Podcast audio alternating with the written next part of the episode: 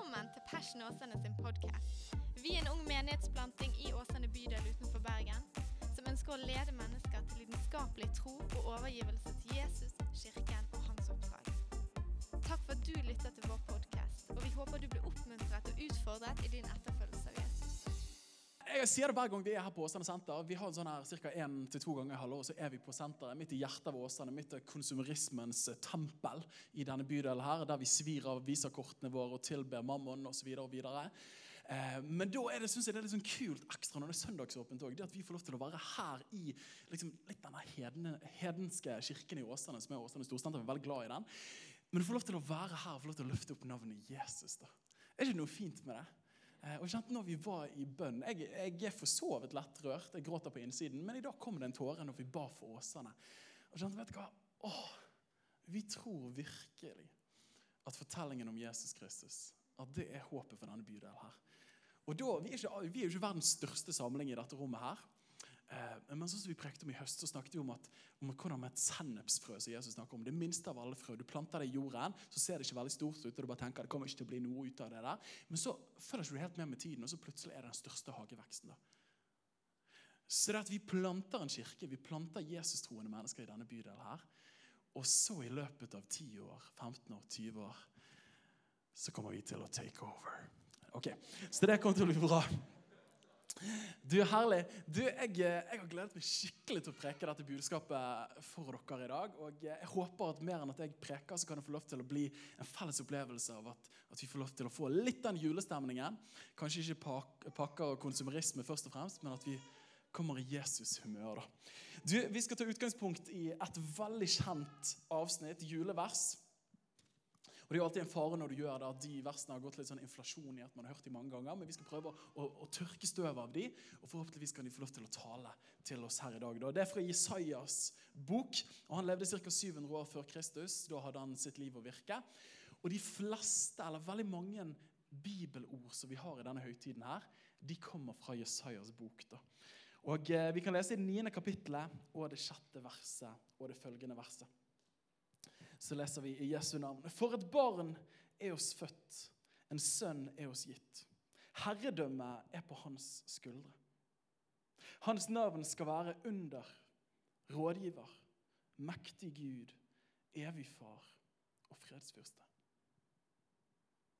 Herredømmet skal bre seg vidt, og freden skal være uten ende over Davids trone. Tenk på det, en tid der evig fred uten ende, over hans kongerike. For å grunnfeste det og holde det oppe ved rett og rettferdighet. Fra nå av og til evig tid. Herskarenes Herres nidkjærhet skal gjøre dette. I Jesu navn. Jeg har valgt å, å, kalle de ordene som jeg skal få lov til å dele med dere i dag, for kongen som kom og kommer. Kongen som kom og kommer. Skal vi ta og be sammen? Herre, vi takker deg for at, eh, for at vi får lov til å samles på, på dette senteret. At vi får lov til å ikke samles under visakortet eller samles under julegavene, men at vi får lov til å samles under det denne høytiden faktisk handler om, nemlig din person, Jesus. Det du kom for å gjøre, og det du kommer for å gjøre, Herre. Og Vi ber for de øyeblikkene vi deler, Gud, at jeg har lyst til å be frimodig, Hellige Ånd, om at det skal få lov til å være øyeblikk der du virkelig rører ved hjertene våre. Herre. Og Der du berører oss, og der du løfter oss opp. Og takk for at når vi kommer sammen i kirken, så kan alt skje. I Jesu navn. Amen. Amen. Du, Denne uken her har vært en litt sånn småspesiell uke av mange årsaker. Eh, men det som er litt kult da, jeg, eh, jeg har jo en forkjærlighet i livet mitt, eller jeg har et, et par. Men en av forkjærlighetene mine er det som heter Urex. da. Er det noen som liker Urex? Ikke, ikke e-bucks eller e-book. E-books. Ja, det er det, vet du. Nei, Urex det handler om utenriksnyheter. og eh, nå er det liksom Hvert år når vi kommer til dette tidspunktet her, så kjører Urex sin egen episode om nobelprisvinnerne. da om fredsprisvinnerne. Og det som var spesielt denne uken, her var jo at begge de to, Dennis eh, Mukwebe Mukwege Jeg har liksom øvd på disse navnene. Daniel, du må ikke si de feil. Men Dennis Mukwege og Nadia Murad sier det fort, så jeg ikke sier det feil. Men Dennis Mukwege og Nadia Murad de kom til Oslo for å motta Nobels fredspris. Og Hvert år så deles denne prisen her ut til mennesker som står i frontlinjen i verden for å kjempe for rettferdighet, for å kjempe for fred, og for at framtiden kan få lov til å bli lysere for neste generasjon. En fantastisk pris av mange priser som ble delt ut. Kanskje den beste. Og Dennis har vært nominert i mange år. Han han kjemper eh, en tapper kamp i Kongo som lege der. Og eh, I Kongo i borgerkrigen der så er seksualisert vold en kjempesvær greie. Og han har operert og hjulpet tusenvis av kvinner. Virkelig en mann det står utrolig stor respekt av. Og eh, Skildringene som de maler opp derifra, og som du kan se på Urix, er bare hjerteskjærende. Og det er sånn man ikke tror det skulle være mulig. da. Og Nadia Murad fra Irak hun ble i 2014 bortført av terroristorganisasjonen IS. og Så var hun en sexslave der et par måneder før hun klarte å rømme. Har i ettertid blitt en talsperson for å stå opp mot seksualisert vold. Og jeg synes Denne prisen her er fantastisk. Noe av det beste. Samtidig så er det en tragedie at en pris som denne trengs å bli delt ut. For denne prisen er et glimt av godhet i en verden som er så full av ondskap. Og Når du titter utover, så er det så mye smerte, det er så mye sår, det er så mye urettferdighet. Og Da er det fantastisk med en fredspris hvert år, men samtidig det er, skulle vært så mye mer. Da. Og Jeg tror vi alle vet det, at det finnes så mye smerte rundt oss. Og En ting er smerten rundt oss, men ikke minst kanskje den smerten som er ondest av alle smerter, er det som er helt nært ved oss. da. Og det er ja, hvis vi er ærlige med hverandre, Bibelen sier at vi mennesker vi er skrøpelige, vi har en syndig natur. Vi har ondskap i oss. Det er ikke sånn vi preker så mye om. Men vi kjenner smerte, vi kjenner sår i våre egne liv. Så ikke bare ondskap der ute, men smerter og sår her inne. Veldig kjekt å møte dere. Og i møte med det her så har jeg stilt meg spørsmål, og tror mange av oss kan stille oss spørsmålet, I møte med ondskapen der ute og smertene i livet her inne, finnes det noe håp i det hele tatt? Finnes det håp for verden der ute? Og enda mer, enda mer nærgående, men finnes det håp for livet mitt her inne? Det er et spørsmål som jeg har lyst til å stille i de løpet av de øyeblikkene vi deler her i kveld. Og jeg tror at Dette spørsmålet her tror jeg ikke er et spørsmål som du og meg i den tiden i 2018 stiller for første gang. Finnes det håp? Går det an å se en bedre morgendag? Jeg tror ikke vi har stilt det spørsmålet som de første, men jeg tror at alle generasjoner gjennom alle tider, stilt overfor ondskapen som vi ser rundt oss, urettferdigheten som vi ser rundt oss, som ikke er en ny ting. Jeg tror alle har stilt spørsmålet finnes det en ny morgendag. Og jeg tror alle mennesker som har levd gjennom tidene i møte med sitt eget liv, og Vi skal ikke være veldig bevandret i eget liv før du finner ut at det er ganske upolerte saker, det livet som vi lever. da. Og vår utilstrekkelighet og tilkortkommenhet merker man ganske fort. Faktisk før første klasse, når du ikke klarer alfabetet med en gang. Og jeg tror alle generasjoner har håpt på en ny morgendag, og at de har drømt om en ny verden. Drømmen om en ny verden er ikke det noe vi alle bærer med oss? Tenk om denne verden kunne vært litt annerledes. Tenk om det kunne vært litt lysere. Tenk om ingen fredspriser trengte å bli levert ut. Og enda mer enn det, tenk hvis en verden der ikke sår, savn og død kommer og stjeler mennesker fra oss, der ikke menneskers urettferdighet og egne sår skader andre, osv. Drømmen om en ny verden. Og møte med denne ondskapen som vi ser rundt oss og i eget liv, så bærer denne ondskapen mange ulike navn. Mange ulike overskrifter den kan ha. Men Bibelen og en kristen verdensforståelse sier at alle slags ulike former for ondskap egentlig henter sin rot i én ting, og det Bibelen coiner for synd. Og Helt i begynnelsen, når Gud skaper himmel og jord og Bibel, altså Det er en fascinerende bibelbok. Hvis man ikke helt vet hva man skal gjøre på denne juleferien, her, så anbefaler jeg skikkelig å trekke fram den boken der. Men Bibelen begynner jo på en finurlig måte. Det er jo ikke Jo Nesbø som skriver de første kapitlene der. Det er jo litt sånn småsært, hvis vi kan være helt ærlige med hverandre. Men vi som er vokst opp i det, syns jo det er helt normalt. Men de første sidene vi leser om der, så står det at Gud skapte himmel og jord. Og så skapte han mennesket. Og etter at han har skapt alt, så ser han utover og så bare tenker han, steike. Jeg har virkelig fått det til. Dette her er overmåte godt. Og Det er jo litt sånn gammelnorsk, men det betyr jo at dette er sinnssykt bra. Dette er Guds stuff, liksom. Og Den verden Gud skapte til å begynne med, det var en verden uten smerte, uten synd, uten ondskap. Ingen fredspriser. Hvorfor levere ut en fredspris når alt var fred?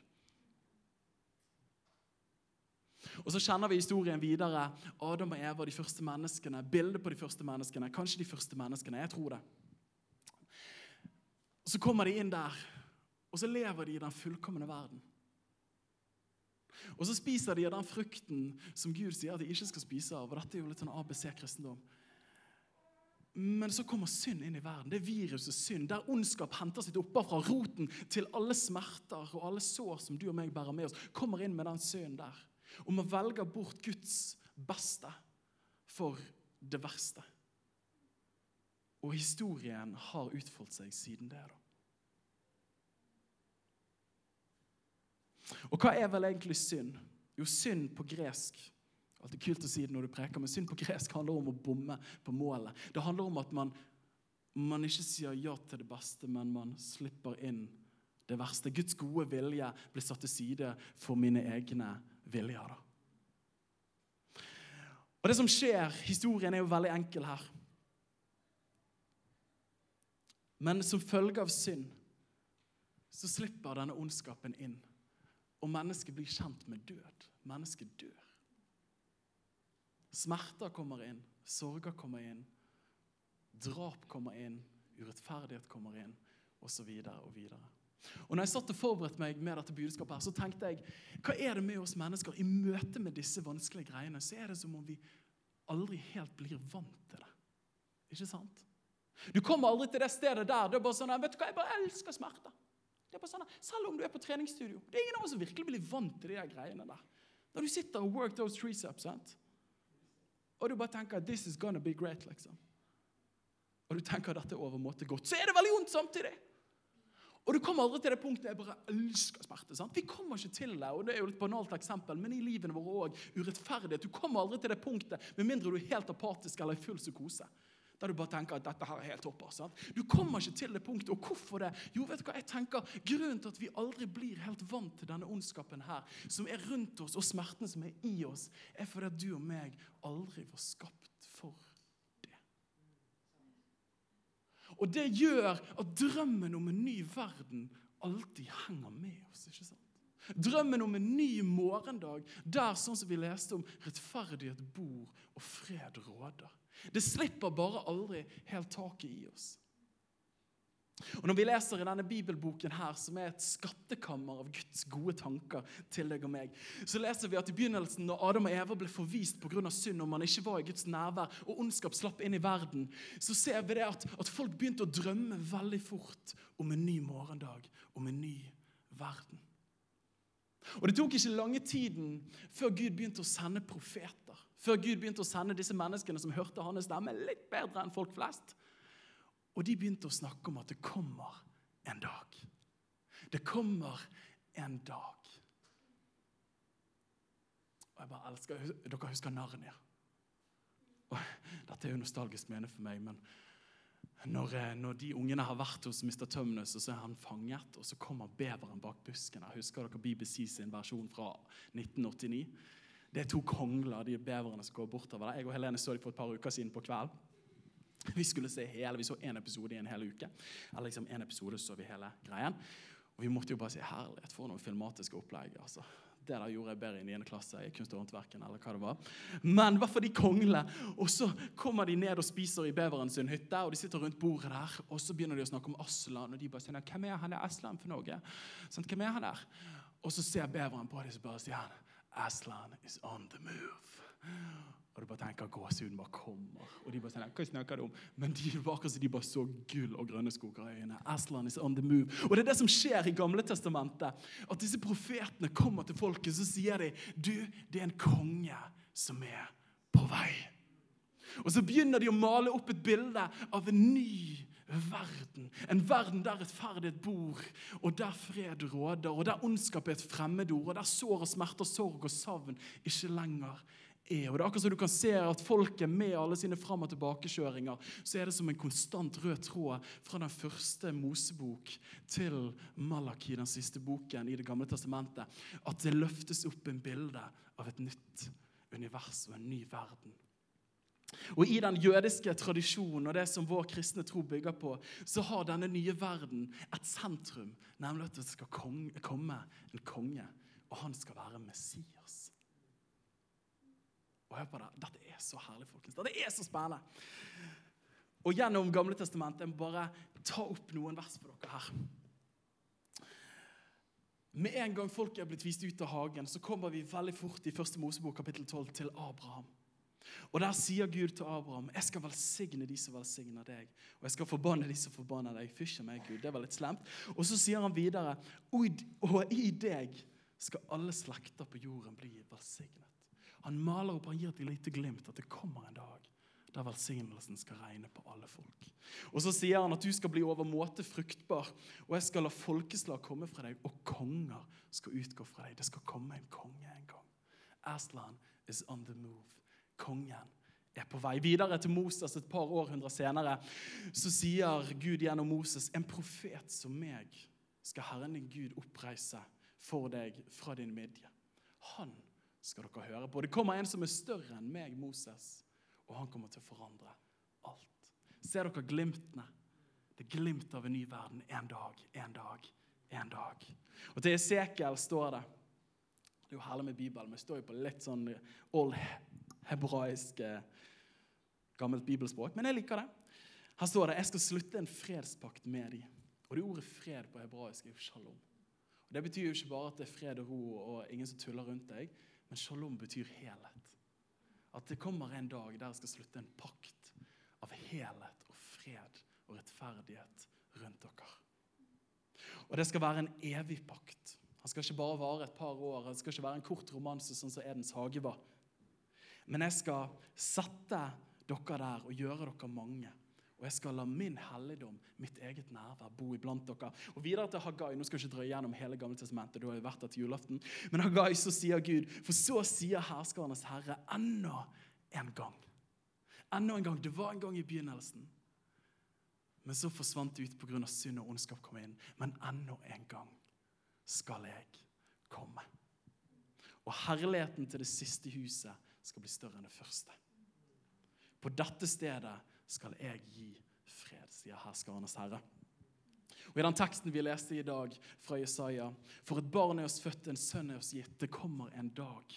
Der herredømmet er på hans skuldre. Og herredømmet, Jeg har lest det verset i mange år og hørt det på juleappeller og tenkt hva i alle dager er herredømme for noe? liksom? Men herredømmet handler om at det kommer et nytt rike. Og med et nytt rike så kommer det nye regler. Og i de reglene der så leser vi at der skal freden bre seg ut, utover og være uten ende. Og du skal grunnfeste det og holde det oppe til evig tid. Og alle løftene peker framover om at det kommer en konge en dag. Og med han et nytt rike. Hvem er da denne kongen, og har han kommet? Og Det er det første jeg har lyst til å si. Kongen som kom. For at denne kongen som da har blitt løftet opp et glimt av fra eldgammel tid, har kommet. Denne kongen har allerede entret scenen. Profetiene fra Det gamle testamentet har allerede funnet sin oppfyllelse. Ja, men Daniel, hvem da? Jo, vi er i kirken, så de sier jo seg sjøl. Det er Jesus Kristus. Og når Gabriel kommer til Maria og forteller henne at hun skal føde barn, og at hun skal føde verdens frelser, så quoter Gabriel fra Jesaja. Jeg vet ikke om han sa 'quote' akkurat da. Maria, nå skal jeg quote noe for deg. Men han sa, engelen sa til henne, 'Frykt ikke, Maria, for du har funnet nåde hos Gud.' 'Og se, du skal bli med barn og føde en sønn.' Så er dere sønn, en sønn skal bli bli dere gitt. Og du skal gi ham navnet Jesus. Herren frelser, betyr det. Og han skal være stor, og han skal kalles den høyeste sønn. Og Herren Gud skal gi ham hans fars Davids trone. Ser dere det? Det går igjen fra Jesaja. Og han skal herske over Jakobs hus for evig. Det går igjen. Og så står det og hans rike skal ikke ha noe avslutning. Kongen kom. Jesus er oppfyllelsen, lengsel av hele Det gamle testamentet sin forhåpning om en ny verden.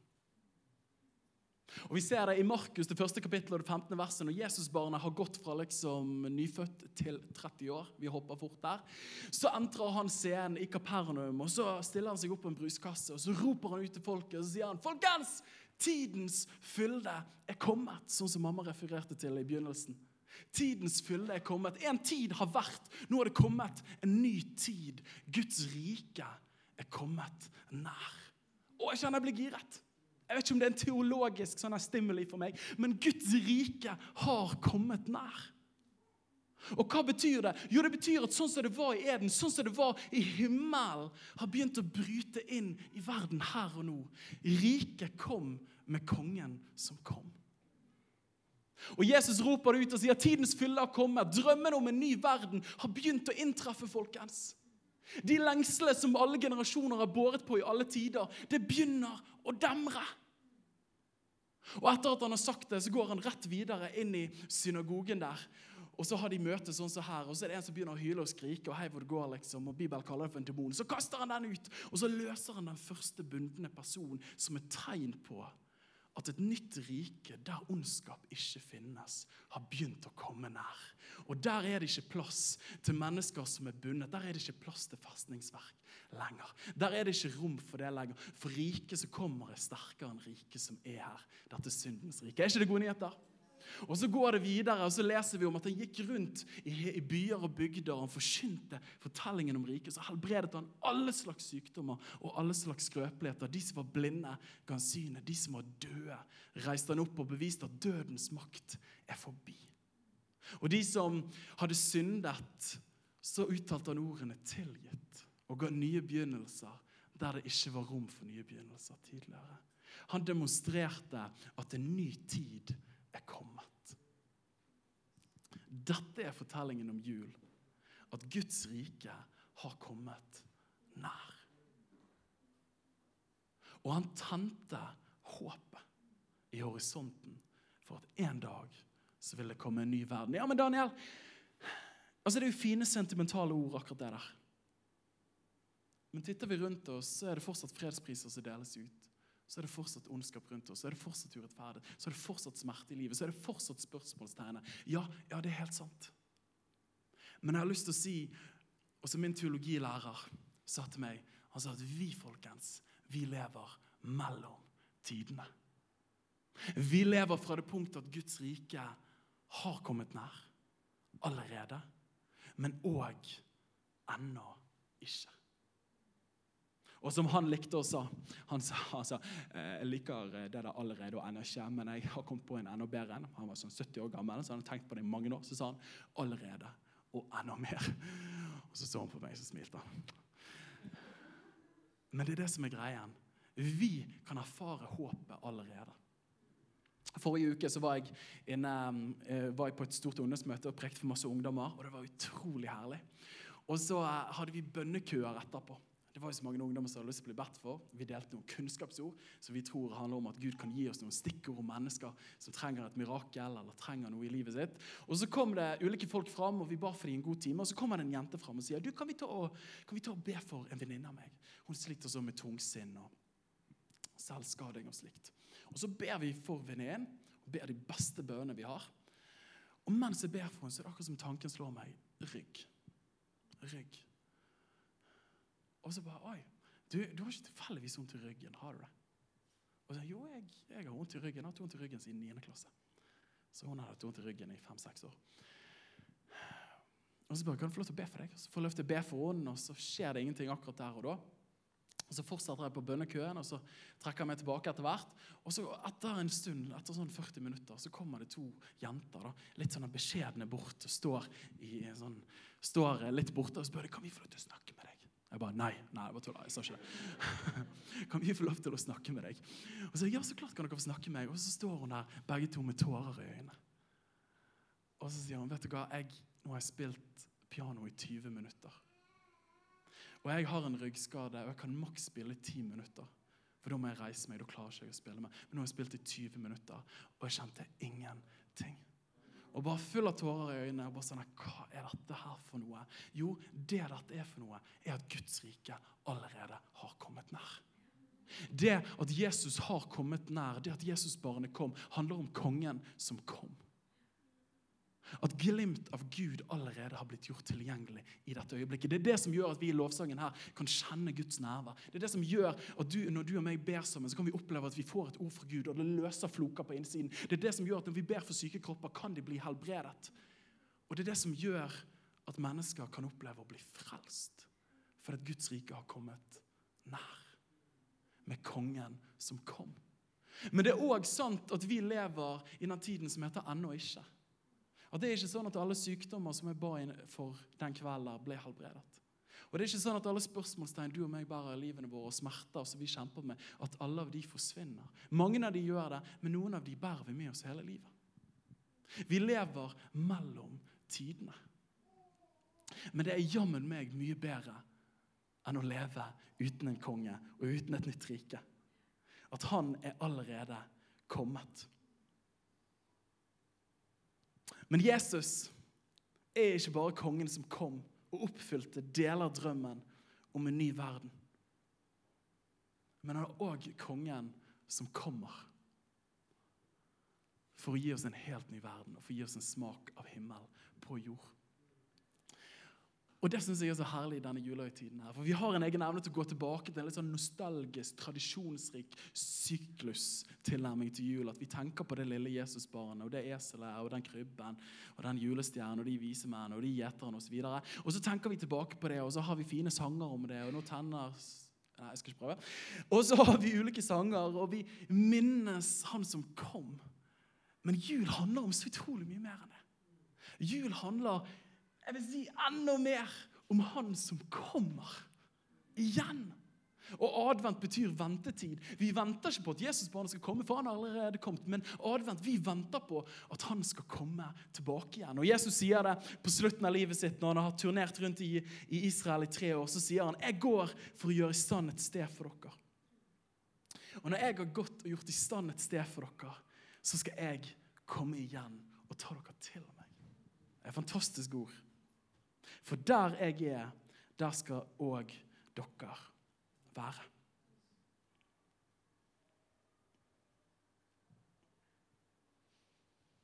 Og Det Jesus gjør i stand for oss, det er ikke lenger bare glimt av en Gud. Og det håpet som han tente, kommer han for virkelig realisere. Og den siste er Noen av de siste bladene i bibelboken, i Åpenbaringen, det 21. kapittelet.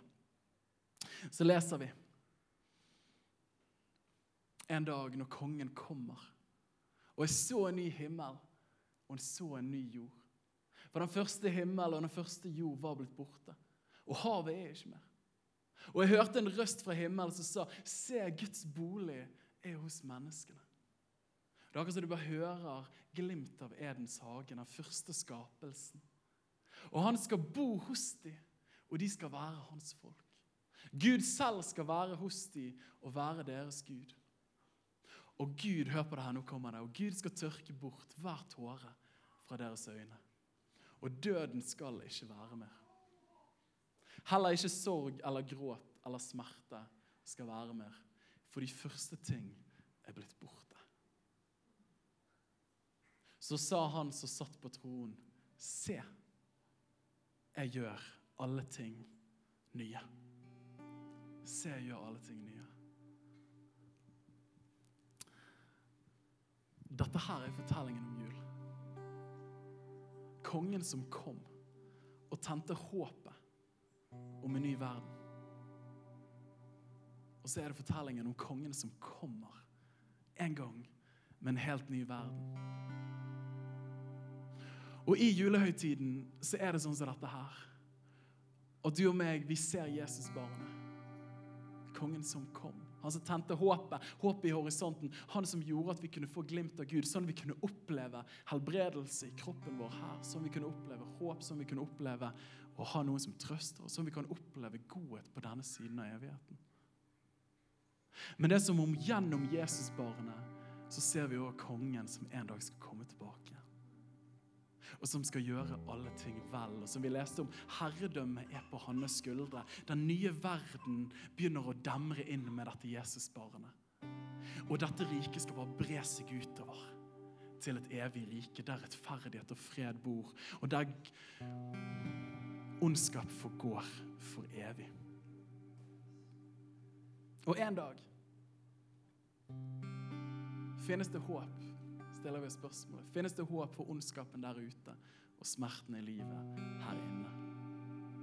Så bare lyst til å rope ut. Og jeg tror hele verden, hele Åsane, hele verden lengter etter å høre det. Ja, det finnes håp. Ja, det finnes håp. Det finnes håp for verden rundt oss. At en dag så kommer det en tid der ingen fredspriser skal deles ut lenger. For det er en fred som regjerer overalt. En dag så kommer det en tid der mennesker ikke skal bli utnyttet lenger. For det er rettferdighet rår. En dag blir skaperverket gjenopprettet. Men kanskje enda mer nærliggende, en dag så kommer det en tid i livene våre der smerter ikke kommer til å være. Og jeg kjenner jeg gleder meg. En dag kommer det en tid der sykdommen i kroppen vår ikke lenger får ha det siste ordet.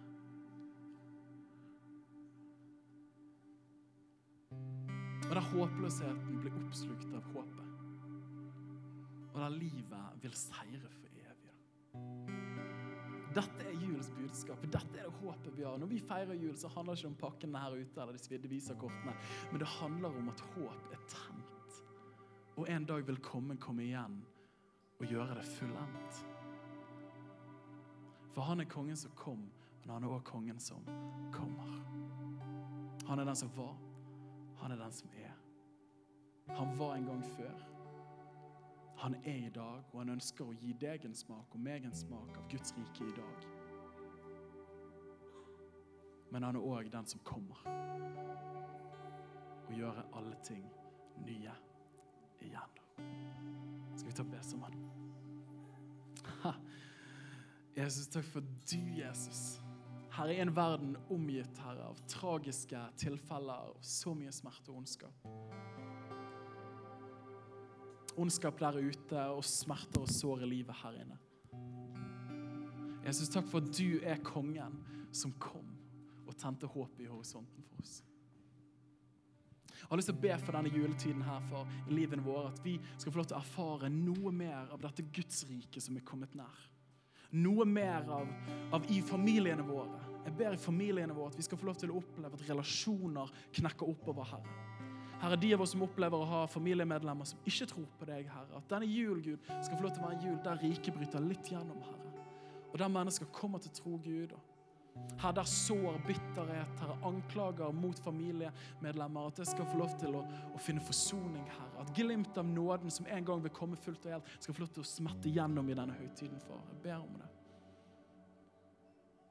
Og ber òg, Herre, i livene våre, Herre, at der det er spørsmålstegn, der det er sår, der det er savn, der det er smerter, Gud, at i løpet av ukene som kommer, at du som er kongen som kom, skal få lov til å rope i livene våre at en ny tid er kommet, en ny verden har begynt å nærme seg. Du er i bevegelse, Gud. Og Jeg ber deg her til slutt for oss som kirke i denne bydel, som etterfølger av deg, Jesus, at vi skal få lov til å være mennesker i vår verden som er å tenne håpets fakkel om at en dag skal alle ting bli gjort nye igjen, Herre. Jeg ber om deg, Jesus.